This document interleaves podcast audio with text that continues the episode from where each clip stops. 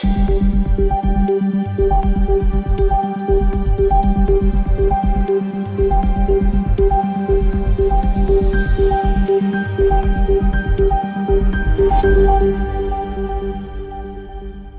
og velkommen tilbake til Krimnytt, en podkast for deg som ønsker å følge med på aktuelle true crime-saker. På torsdag forrige uke, 12. oktober, så rømte Caitlin Maria Armstrong fra to betjenter som hadde fulgt henne til et sykehus for behandling i Austin, Texas, USA.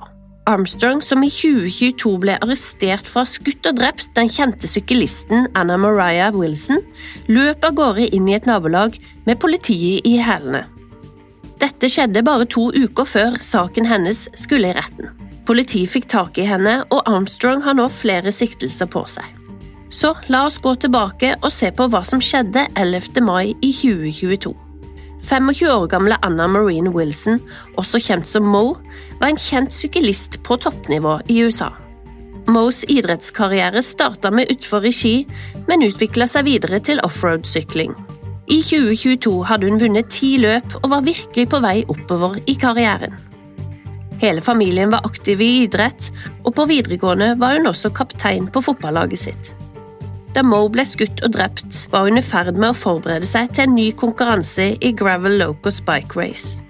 Hun bodde hos en venninne, og 11. mai dro hun ut for å bade og senere til middag med en mann hun tidligere hadde datet. Colin Strickland var også syklist, og etter middagen hadde han fulgt Mo hjem til venninnen. Colin sa at han ikke ble med inn, men slapp henne av utenfor huset. Rett før klokken 22 blir Mo funnet skutt og drept i venninnens hus. Mo var blitt skutt flere ganger og ble erklært død ti over ti. Overvåkningskamera fanger opp en sort jeep, og bilen ligner veldig på bilen til Colin Stricklands kjæreste, Caitlin Maria Armstrong. 12. mai så blir Strickland og Armstrong tatt inn i avhør. Armstrong blir tatt inn på grunnlag av en annen sak der hun hadde stukket fra en Botox-regning på over 6000 kroner. Når de spør henne om Mo og hvor hun var under mordet, ber hun politibetjentene om å få gå. Og fordi politiet hadde skrevet feil fødselsdato på ordren, fikk hun da gå uten å måtte svare på flere spørsmål. Strickland forklarte til politiet at han hadde hatt et kort forhold til Moe fra slutten av oktober til november i 2021. Da hadde Colin og Caitlin gjort det slutt, men de bodde fortsatt sammen. Caitlin hadde hatt flere tilfeldige forhold som hun møtte på nettstedet Bumble, og Colin traff også andre i den perioden. Så fant Katelyn og Colin ut at de skulle prøve igjen. Colin prøvde å skjule forholdet han hadde hatt til Mo for Katelyn. Dette lykkes han ikke med, og Katelyn kontakta Mo flere ganger og ba henne om å holde seg unna. Hun ønsket at Colin brøt kontakten med Mo, men han løste problemet med å bytte navn på Mo på telefonen. Han mente likevel at de kun hadde et vennskap. Dagen da Mo ble drept, hadde Colin løyet til Katelyn om hva han skulle. Til henne sa han at han hadde kjørt til en venn med noen blomster. Mest sannsynlig hadde Katelyn tracka Collins sin sykkel og visste at han løy. 13. mai selger Katelyn bilen, en sort jeep, for 12 000 dollar. Det viser seg også at en pistol kjøpt av Strickland til Armstrong i gave, kan matche pistolen som ble brukt til å drepe Wilson. Et vitne forteller politiet at Armstrong fant ut av forholdet i januar, og hadde sagt til et vitne at hun ønsket å drepe Mo. Politiet danner seg nå et bilde av drap med sjalusi som motiv. Så med 12 000 dollar i lomma drar Katelyn flere steder. 14. mai drar Katelyn Armstrong først til Houston og så videre til New York. Hun blir spotta på flyplassen i New York, og 19. mai får politiet en arrestreordre på Armstrong. Men Armstrong er ikke å finne. Politiet tror på dette tidspunktet at hun ikke har forlatt landet, men fremdeles er i Texas, da de har ikke funnet hennes navn på utgående fly. Dagen etter avhørene hadde Armstrong sletta alt av sosiale medier, flytta ut av leiligheten der hun bodde med Colin, solgt bilen og var sporløst forsvunnet. Politiet fant ut at søsteren hadde fått et nytt ID-kort i New York. Dette var merkelig, siden det ikke var i New York hun bodde. Og politiet mente nå at Caitlin Armstrong kunne oppholde seg i New York under et alias. 30. juni blir Armstrong arrestert. Hun blir ikke arrestert i New York, men i Costa Rica. 18. mai hadde hun flydd under falskt navn med passet til søsteren.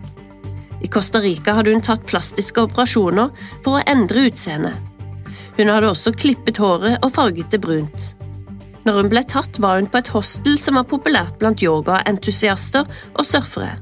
Hun hadde da en bandasje på nesa som hun påsto var fra en surfeulykke.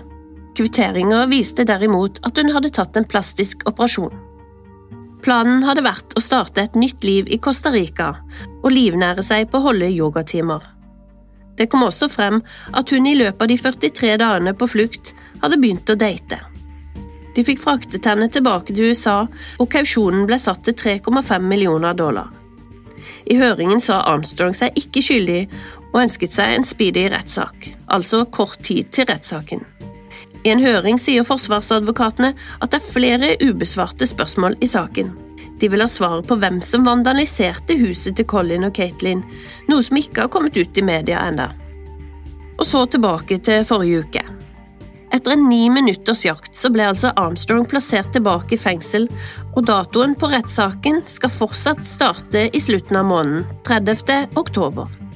Det blir spennende å følge med på hva Forsvaret har å komme med, men det er ingen tvil om at Armstrong har ved to anledninger flykta fra politiet og brukt falskt pass for å komme seg ut av landet.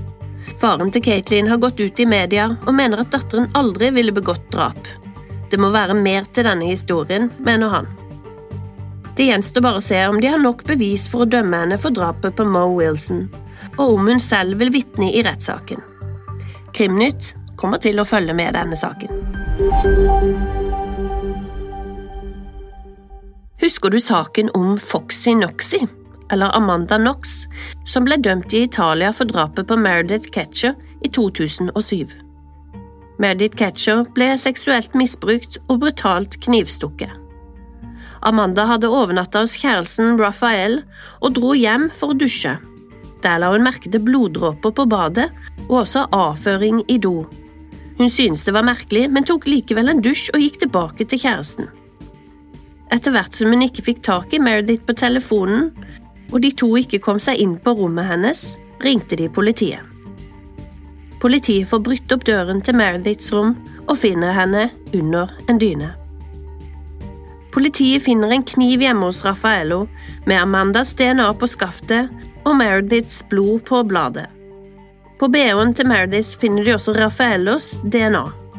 Det ble også funnet DNA fra en tredjeperson, og konklusjonen ble da at dette var en sexlek som hadde gått galt. Det ble et vanvittig mediesirkus, og Amanda var på alle cover.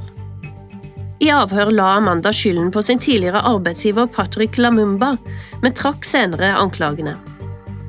På åstedet ble det også funnet DNA til en navn ved navn Rudy Guid.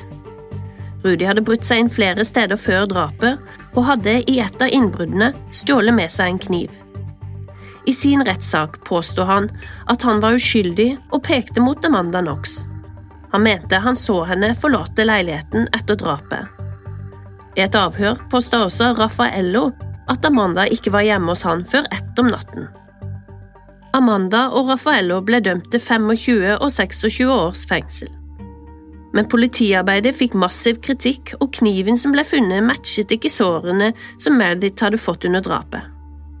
Hele åstedet var forurensa, og video av politiet viser at folk vandrer rundt på åstedet og ikke forsegler bevisene ordentlig.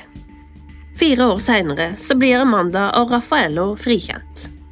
I 2014 ble Amanda og Raffaello nok en gang dømt av italiensk rett.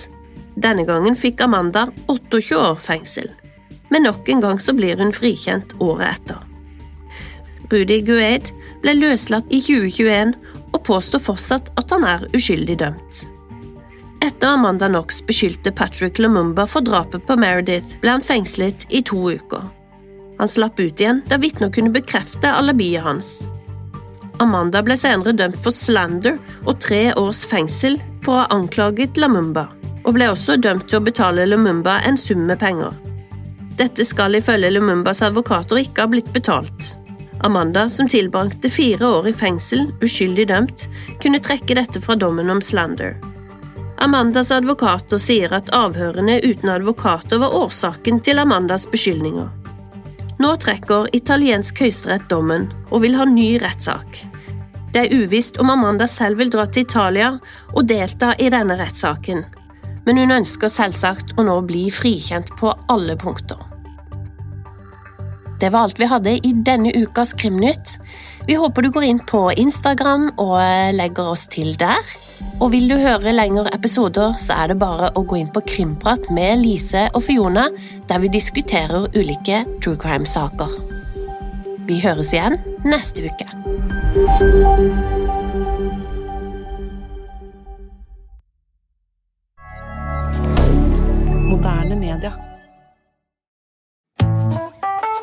Har du et enkeltpersonforetak eller en liten bedrift?